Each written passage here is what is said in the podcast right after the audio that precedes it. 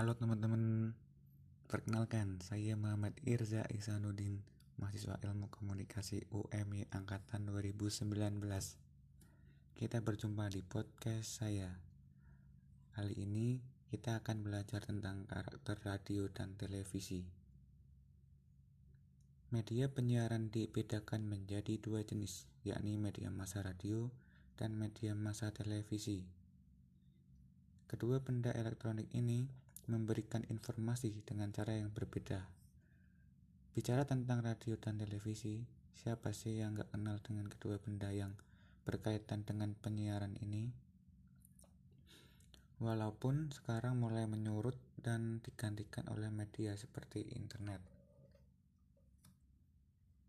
Perbedaan yang sangat jelas dari radio dan televisi ini seperti radio hanya bisa kita nikmati dengan audionya saja.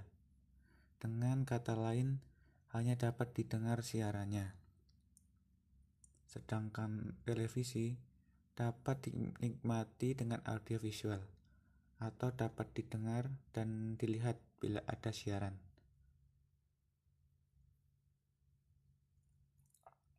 Bicara tentang kedua alat penyiaran ini juga memiliki karakteristik masing-masing. Di antaranya, radio mampu menciptakan gambar dalam pikiran pendengar melalui kata dan suara, atau disebut imajinatif.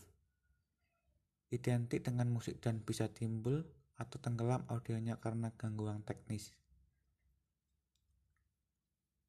Sedangkan karakteristik pada televisi memiliki kelebihan dapat dilihat melalui gambar dan dapat didengar atau disebut audiovisual.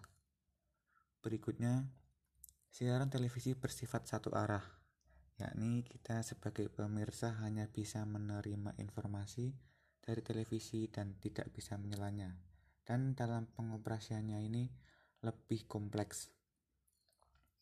Nah, mungkin sampai sini dulu bincang podcast kali ini ya. Sampai jumpa di podcast selanjutnya.